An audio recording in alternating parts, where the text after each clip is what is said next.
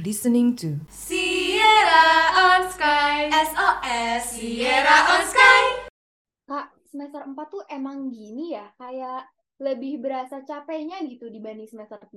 Jadi makin banyak banget tugas buat turun lapangnya, apalagi ditambah SPPM. Waduh, udah gak kerasa banget ya kamu ternyata udah semester 4. Ya ampun, selamat dan semangat deh pokoknya. Karena semakin bertambah semester itu akan semakin sering buat ngerasain turun lapang. Bener banget sih Kak, apalagi lu udah semester berapa deh Kak? Gue di semester 6 sih sekarang. Udah akhir-akhir tuh pasti, Waduh. apa ya, kayak tur lapang itu pasti makin sering bisa setiap hari nggak sih Kak? Wah itu udah bukan setiap hari lagi, malahan gue udah sampai di fase kalau misalkan lu nggak turun lapang dalam satu minggu itu udah nggak tenang, ada yang kurang gitu rasanya tuh. Demi apa? Iya, mungkin mungkin karena ini ya, karena mungkin jurusan kita juga ada eh, komunikasi dan pengembangan masyarakat gitu, ada kata masyarakatnya. Jadi kayak mau nggak mau ya kita pasti akan turun ke masyarakat gitu. Hmm, bener Jadi, mm, jadi semangat aja deh gitu kan ya, dijalanin aja gitu kan. Siapa tahu nanti tiba-tiba eh lulus gitu. Amin secepatnya ya. Amin. Kak, sorry banget ini, tapi kayaknya kita kasihkan deh Kak sampai belum nyapa sahabat Sierra. Eh bener juga, betul. Kita sapa dulu kali ya Kak. Boleh. Halo sahabat Sierra, balik lagi di Sierra on Sky. Nah, beberapa menit ke depan, sahabat Sierra bakal ditemenin sama gue Diung dan partner gue. Email di episode SOS kali ini. Nah, bener banget nih. Seru banget nih kayaknya episode kali ini ya Kak. Eh, kita balik lagi ke pembahasan Turlap nih Kak. Berarti dari dulu emang mahasiswa SKPM tuh nggak bakal asing lagi sama Turlap ya Kak? Kayak udah makanan sehari-hari banget lah. Betul banget, Diung. Apalagi kayak yang tadi udah aku mention juga ya, karena jurusan kita mungkin ada embel-embel pengembangan masyarakatnya gitu. Jadi pasti udah gak bakal asing banget sama turun lapang atau terkait pengembangan masyarakat gitu. Yang mana kita memang, ya memang sudah diharuskan untuk turun ke masyarakat gitu. Hmm, iya, iya benar-benar benar. Eh, ngomongin tentang pengemas juga sebenarnya pengembangan masyarakat nih identik banget sama mahasiswa ya Kak, karena mahasiswa kan punya banyak banget wadah atau program yang bisa eh, jadi sarana gitu buat kita terjun langsung ke masyarakat. Misalnya kayak KKN, Cie bentar lagi mau KKN ya Kak. Aduh, Diung jangan diingetin kayak gitu dong. Aku juga deg-degan nih, karena kakak ini, ya ampun aku bulan Juli berarti terhitung ah, 2-3 bulan lagi nih berarti nih aku nih. Semangat. Terus juga selain KKN ada pengabdian ke pelosok Indonesia, terus juga Bina Desa dan masih banyak lagi ya Kak. Jadi sebenarnya udah jelas banget yang pernah ngerasain turun lapang atau hal-hal terkait pengembangan masyarakat itu pasti nggak cuma mahasiswa jurusan SKPM aja. Exactly, Diung. Betul banget. Jadi memang gak hanya SKPM doang, tapi mungkin eh, di jurusan lain atau bahkan di perguruan tinggi lain juga pasti yang namanya mahasiswa itu akan merasakan turun lapang. Apalagi memang KKN ini kan diikutinya oleh seluruh perguruan tinggi di Indonesia gitu ya. Jadi memang gak hanya di SKPM doang yang pernah ngerasain turun lapang. Nah, ngomong-ngomong tentang seseorang yang pernah turun lapang atau merasakan pengembangan masyarakat, di episode khusus Sierra on Sky kali ini, ini spesial banget kita ditemenin sama seseorang yang juga spesial dan pernah ngerasain gimana sih rasanya capeknya perturlapan gitu atau mungkin capeknya ngerasain pengembangan masyarakat gitu sama apa yang lagi kita alami gitu. Apalagi Diung nih kan lagi aduh lagi di pertengahan semester dibilang muda enggak dibilang semester tua juga enggak gitu kan di tengah-tengah gitu. Mungkin langsung aja kali ya kita panggil gitu ya. Halo ada siapa di sini? Halo, email Diung. halo. Halo. waduh. Gimana nih, gimana nih? Oke, mungkin boleh kali ya sebelum kita lanjut kenalan dulu dong. Siapa sih di sini? Oke, siap. Halo, sahabat Sierra. Kenalin gua Agan dari Himpunan Mahasiswa Pemanfaatan Sumber Daya Perikanan atau biasa dikenal eh, dengan Himafarin. Semoga ini podcast bermanfaat ya. Oke, pasti bermanfaat dong, masa enggak? Oke, jadi tadi panggilannya siapa? Agan, Agan. Oke, Agan. Ini Agan singkatan dari Abang Ganteng ya? Biasanya suka kayak gitu kan? Juragan, juragan. Oke, mungkin Agan. kalau aku denger-denger ya, ngerasanya ini kayaknya Diung udah nggak sabar banget pengen kenal lebih jauh gitu sama Agan. Aduh, jadi malu. Tapi bener sih. Aduh, gak usah malu banget gitu deh. Halo Kak Agan, gimana Halo, Diung. kabarnya? Gimana kabarnya hari ini? Kabar gua alhamdulillah baik. Nih, kabar kalian, Diung email gimana? Alhamdulillah. Aduh. Tapi agak agak gimana ya? Baik, semoga baik. Emang baik atau dibaik-baikin aja? Waduh, dibaik-baikin aja deh. Nah, Oke. Nah, Kak, eh, kita udah kenal nih sama namanya Kak Agan, tapi kayaknya kita butuh kenalan lebih dalam lagi ya, Kak. Eh, karena kan tak kenal maka tak sayang gitu ya. Waduh, kalau udah sayang emang mau ngapain sih, Yung? Rahasia dong, rahasia, rahasia. Oke. Nah, boleh nih dimulai dari mungkin nama lengkap Kak Agan, terus juga jurusan di IPB, dan kesibukannya nih, Kak Agan lagi tergabung di organisasi apa aja? Oke, kenalin sahabat Sierra, nama gua eh, nama panjang gua nama lengkap Raden Naufal Taufikul Hakim. Eh, gua dari Fakultas Perikanan Ilmu Kelautan, Departemen Pemanfaatan Sumber Daya Perikanan.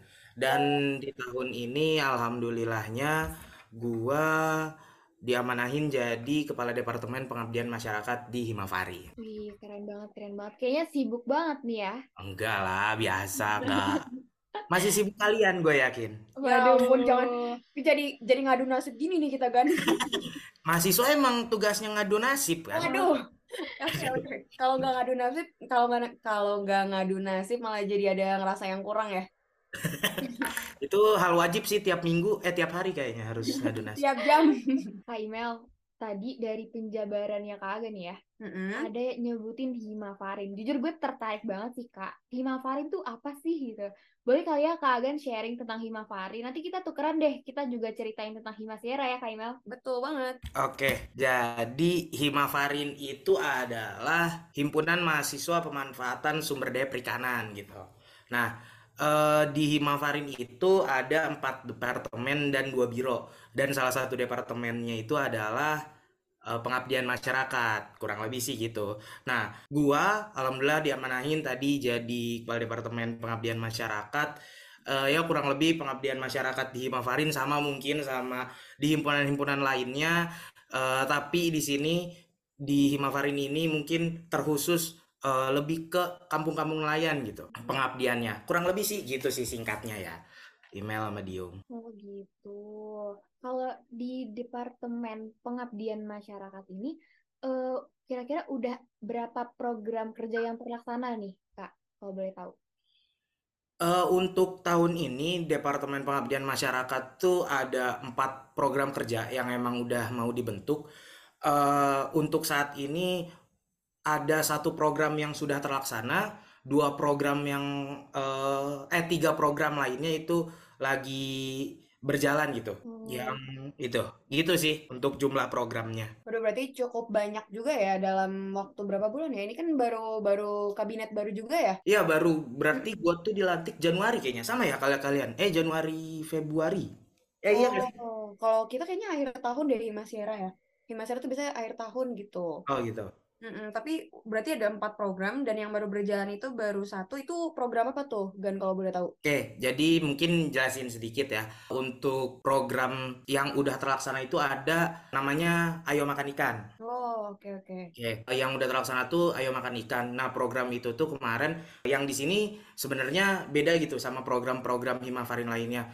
Eh, khususnya di pengabdian. Karena kalau biasanya di Himafarin pengabdian itu tuh kita mengincar kampung-kampung nelayan. Cuman kalau sekarang kita tuh pengen bawa apa sih manfaat laut kita bawa ke pinggiran kota gitu ke masyarakat mungkin yang belum terlalu mengenal soal apa itu ikan manfaat-manfaat ikan dan cara mengolah ikan itu sih eh, yang man atau output yang pengen disampaikan dari acara yang udah berlangsung yaitu Ayo Makan Ikan. Dan alhamdulillahnya kemarin terlaksana di daerah eh, Benteng di desa Benteng arah Ciampea dan itu juga program kerjasama sama Kementerian Kelautan dan Peri- Perikanan gitu. Wow, keren banget. Jujur itu keren banget Iya, ya sih, keren banget, keren Mm-mm. banget, benar-benar. Apalagi ini ya kalau misalkan ayo makan ikan gitu kan mungkin bisa dibilang terkhususnya untuk anak-anak kecil ya kadang suka nggak mau tuh makan ikan bahkan aku sendiri pun jarang banget makan ikan karena malas untuk misahin tulangnya ya nggak sih Yung?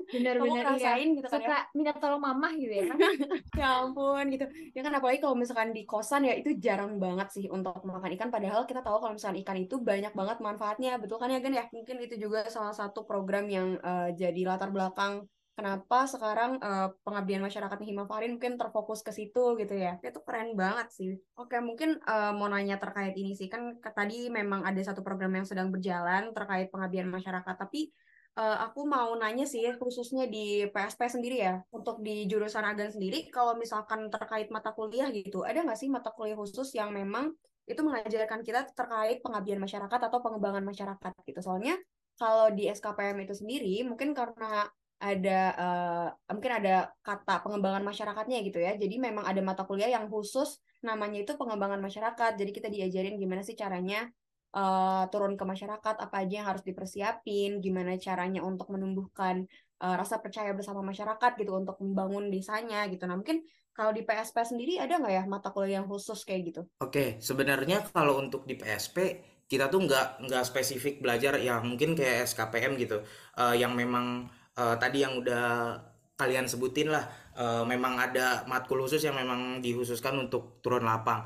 Kalau di uh, PSP sendiri nggak nggak ada matkul khusus makanya kita di Himafarin uh, memang menyiapkan wadah gitu untuk kita turun di masyarakat. Mungkin kalau uh, kulik sedikit aja di matkulnya kita mungkin lebih ke arah kebijakan perikanan tangkap kayak gitu. Uh, terus kita ngeliat nelayan kan terbagi-bagi ada yang memang pemilik kapal besar ada yang kecil gitu. Kita di situ kita pelajarin semua dari mulai modalnya keuntungannya mungkin kayak gitu. Makanya adanya Himafarin ini ditujukan untuk itu untuk kita program sama-sama ngebangun masyarakat yang memang tadinya masyarakat belum mengenal sesuatu mungkin teknologi dan gimana cara beradaptasi sama uh, teknologi sekarang makanya kita hadirkan beberapa program mungkin salah satunya tadi ayo makan ikan dan ada dua lagi gitu yang bakal berlangsung yaitu ada Himafarin Mengabdi sama satu lagi EFF Expedition Officer Friend gitu.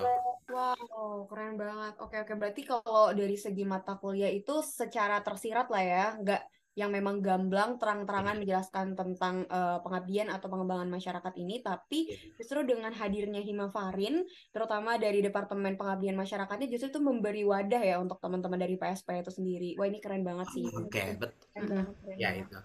Betul banget. Oke, mungkin kalau tadi kan di Himafarin itu ada pengabdian masyarakat ya mungkin uh, kita sharing juga lah ya mungkin kalau di Himasierra itu namanya community development ya Yung betul. Nah kalau di Komdev ini sendiri itu kan ada sebutannya biasanya budak turlap gitu. Karena saking seringnya turlap ya kan? Yang kamu aja nih misalkan kita deh kita berdua yang memang bukan uh, divisi komdev aja udah sering turlap gitu. Mungkin anak-anak atau teman-teman dari komdev itu makanya kenapa bisa disebut budak turlap? Karena kapasitas atau intensitas mereka turlap itu lebih sering gitu daripada memang yang bukan uh, pengurus dari Komdev itu ya kan Yung kamu juga bener, ngerasain bener, kan iya. ngerasain banget sih berapa kali iya seminggu bisa sekarang sih lagi seminggu tiga kali lah Waduh. ada turlapnya sibuk okay. banget nih seminggu tiga kali soalnya mau tugas akhir jadi ya ah. intensitasnya lebih lebih lebih lah pokoknya ya Nah, iya betul banget. Iya, kalau emang lagi tugas akhir, biasanya di SKPM tuh, wah, turlapnya udah kacau banget. Malah udah kerasa kalau misalkan gak turlap, malah ada yang kurang gitu loh, Gan. Laporannya bikin pusing nggak? Apa turun Iya, laporannya juga pusing karena setelah turun akan ada output lagi gitu kan tergantung dari mata kuliah sih. Kalau aku kemarin outputnya kebanyakan jurnal sama video gitu. Kalau kamu apa Yung? Uh. Jurnal, video, PPT. Waduh. Waduh. Uh, apalagi ya? Kayaknya udah sih itu aja. Oke, kalau misalkan di PSP sendiri biasanya outputnya apa tuh kalau di akhir semester? Sebenarnya tuh kalau soal turun lapang uh, yang khususnya ke masyarakat ada tuh di uh, sekarang. Tapi nggak nggak nggak nggak ke masyarakat nelayan yang memang ke kampung nelayan gitu. Ada yang kita ikut ke ngetrip nelayan gitu. Trip nelayan gitu namanya matkulnya PLPI praktek laut penangkapan ikan. Nah di situ tuh uh, yang tadi mungkin dari semester 3 sampai semester 5 atau masih uh, sekarang udah semester 6 itu kan uh, banyak matkul-matkul yang uh, yang tadi uh, eh, gue bilang gitu ya yang tersirat ngebahas soal permodalan nelayan kebijakan nelayan segala macem dan sekarang diaplikasikan gitu. Jadi kurang lebih gue uh, nanti berangkat abis Mei abis Lebaran eh abis Mei awal Mei abis Lebaran itu tuh uh, gue ikut ngetrip gitu. Outputnya uh, memang kita selain kita merasakan khususnya bagi mahasiswa ya kita ngerasain gimana uh, gimana rasanya ikut ngetrip bareng nelayan ngetrip itu dalam artian uh, ikut berlayar lah sama nelayan output lainnya adalah kita juga mengidentifikasi nih uh, pada keadaan yang nyata jumlah hasil tangkapan terus juga keuntungan dari si nelayan tersebut apakah sebanding dengan modal yang dikeluarkan dari mulai BBM, terus juga perawatan kapal, terus juga perawatan jaringnya, dan ya semacam gitulah. Outputnya jadi sama lah kurang lebih laporan, bahkan ada uh, salah satunya juga yang jadi jurnal gitu. Wow, itu itu berarti seru banget sih. Turun lapangnya berarti jauh ya harus nyari nyari laut dong ya bener kan? Iya, tapi gue nanti di kalau untuk yang matkul ya, kalau yang untuk yang matkul nanti di Pelabuhan Ratu, tapi beda oh. lagi nih sama program yang Himafarin. Program Himafarin juga ada yang nanti outputnya tuh buku gitu. Kita ekspedisi. Nah kalau yang Himafarin itu tuh nanti ke apa namanya Ambon ke Lahat. Wow. wow. Gitu ke Maluku. Wow jauh banget, keren banget loh.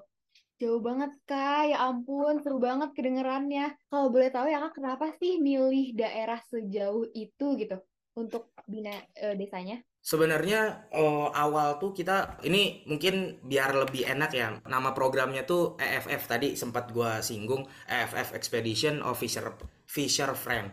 Ini tuh emang udah jadi apa namanya proker tahunan dari Himafarin itu sendiri. Ini juga mungkin yang gede gitu dari Himafarin itu ada Nautica Fest dan ini salah satu rangkaian acara Nautica Fest uh, dalam artian kita tuh mengabdi gitu ke masyarakat mungkin tahun-tahun sebelumnya kalau EFF ini tuh pengabdian bentuknya pengabdian kita uh, coba membawa hal yang ada di sini pengetahuan yang kita punya gitu ke teman-teman uh, masyarakat yang ada di sana gitu. Mungkin ada yang bisa diterapkan. Nah, cuman yang beda di tahun ini kita tuh pengen explore gitu pengen pengen mengeksplor lebih jauh soal perikanan tangkap di Indonesia itu seperti apa makanya kita ambil daerah yang uh, lumayan jauh gunanya adalah biar masyarakat tuh lebih ngeh lah soal perikanan tangkap yang ada di Indonesia makanya alasan pemilihan di Ambon dan semoga Himafarin bisa ke seluruh Indonesia itu sih harapannya wah amin amin amin seru banget sih kak nah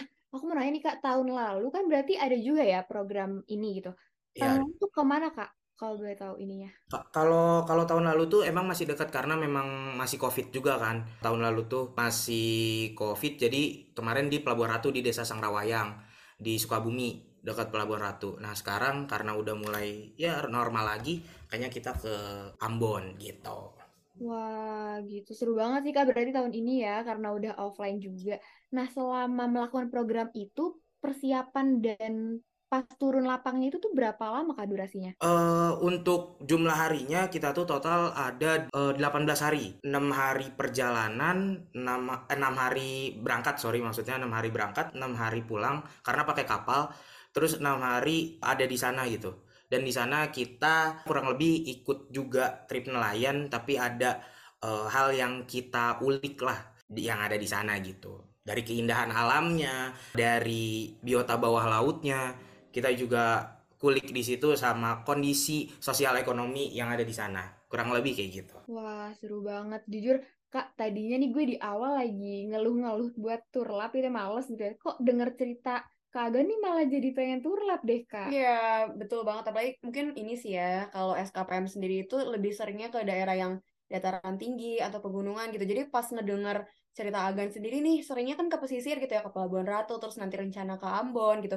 Itu malah jadi kayak kayak apa ya kayak fresh banget gitu untuk kita berdua yang anak SKPM gitu ngedengar kayak Ih, bisa nggak sih kita sekali-kali juga ikut lah ya turlapnya ke daerah-daerah yang memang pesisir gitu jadi nggak cuma fokus di bagian dataran tinggi atau pegunungan wah itu keren banget sih kalau ngeliat apalagi ke Ambon yang itu kan udah di luar Pulau Jawa ya, udah ke daerah Maluku itu keren banget sih. Oke, mungkin uh, mau nanya sedikit lagi sih terkait yang program dari Himafarin yang ini. Itu yang berangkat berapa orang ya kalau boleh tahu? Yang berangkat itu ada 10 orang. Sama kita juga ditemenin sama dua dosen gitu. Wah, oke oke. Wah, lumayan banyak juga. Oh, terus naik kapal lagi ya. Waduh, itu kayaknya sekalian healing ya. Betul gak? healing. Emang gini, tapi yang gue bingung tuh uh, orang-orang pada ke pantai healing gitu, nikmatin matahari terbenam. Tapi kan ya kalau udah malam tuh ya gelap gitu. Gak ada lampunya. Tapi kan seru kak, bisa api unggunan gak sih? Iya. Api unggun, api unggun.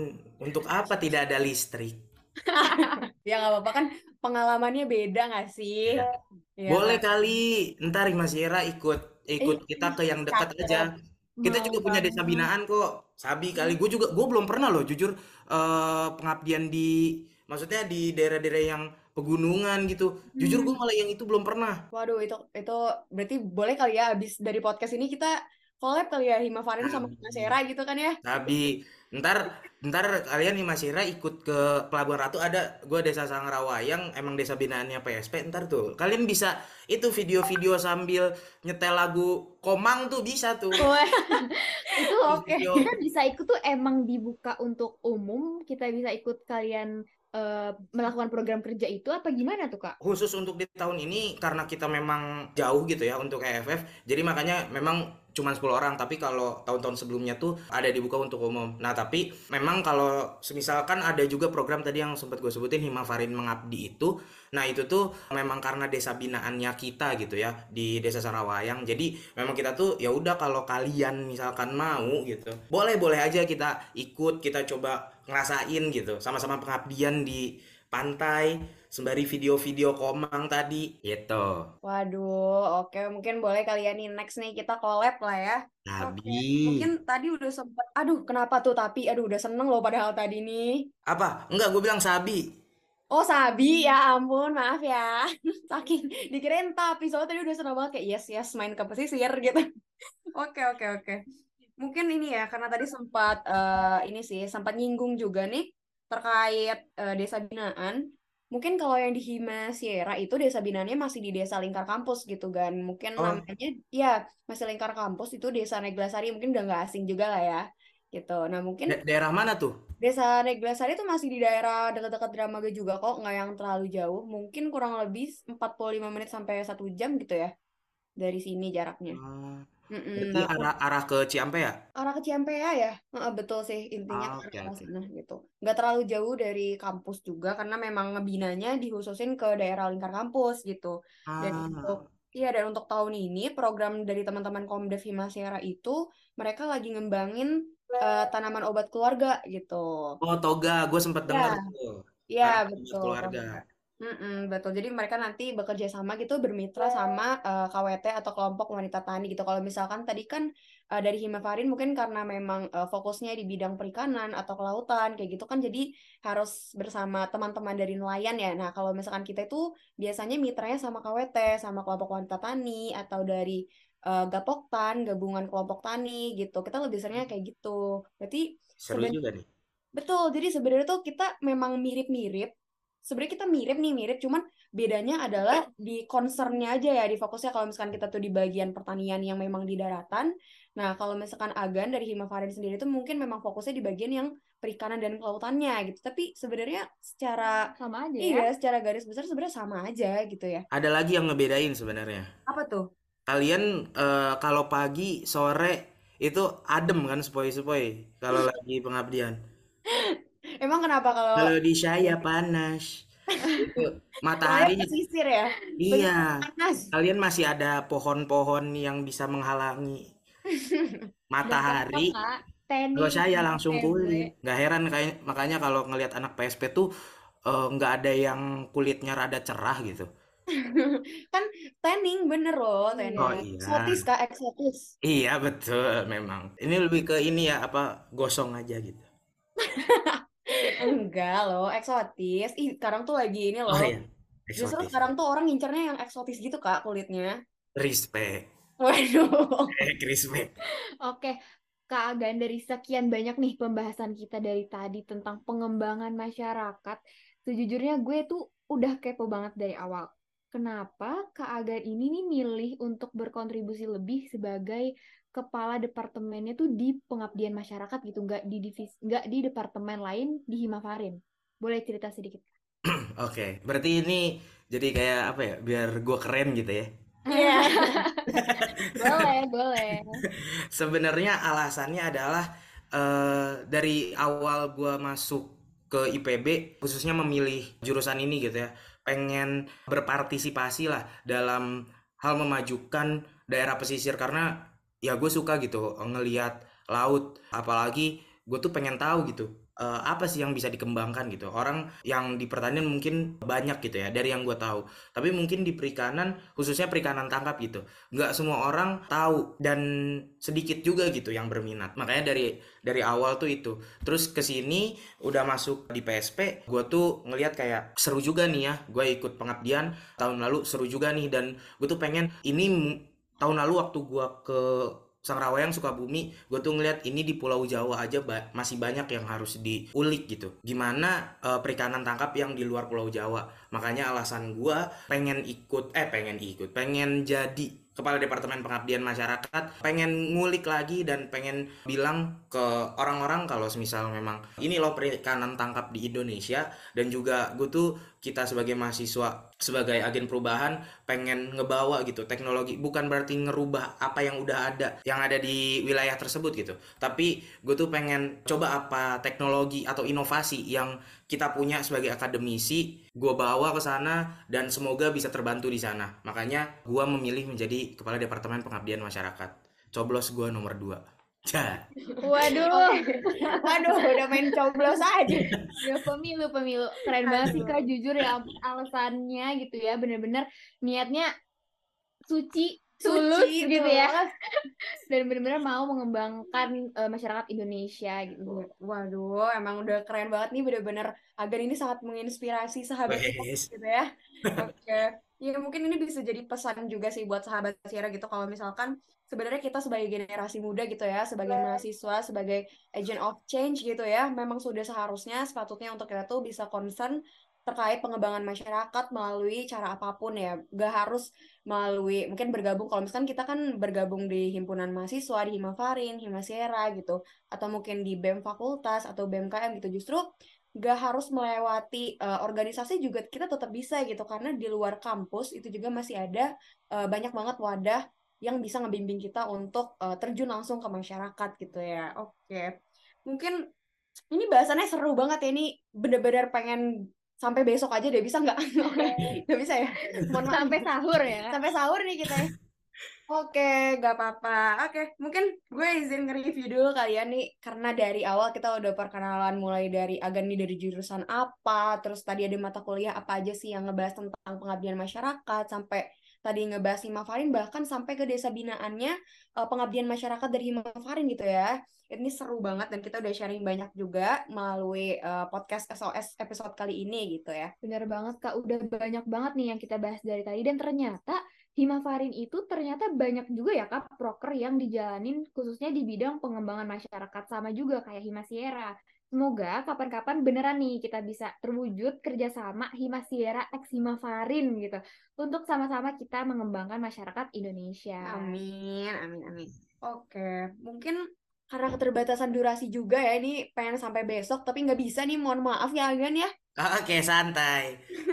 Oke, mungkin uh, gue juga dan Diung dan juga dari tim produksi SOS juga ingin ngucapin makasih banyak kepada Agan karena sudah bersedia, udah meluangkan waktunya untuk sharing-sharing nih sama sahabat Sierra terkait pengabdian masyarakat terkait PSP jurusan dari Agan gitu ya. Terima kasih banyak Agan atas waktunya. Gitu. Oke, terima kasih kembali kepada email dan Diung. Sebelum kita closingan, boleh dong closing statement nih dari Agan, asik. Oke, ini gue akan menjadi pejabat lagi.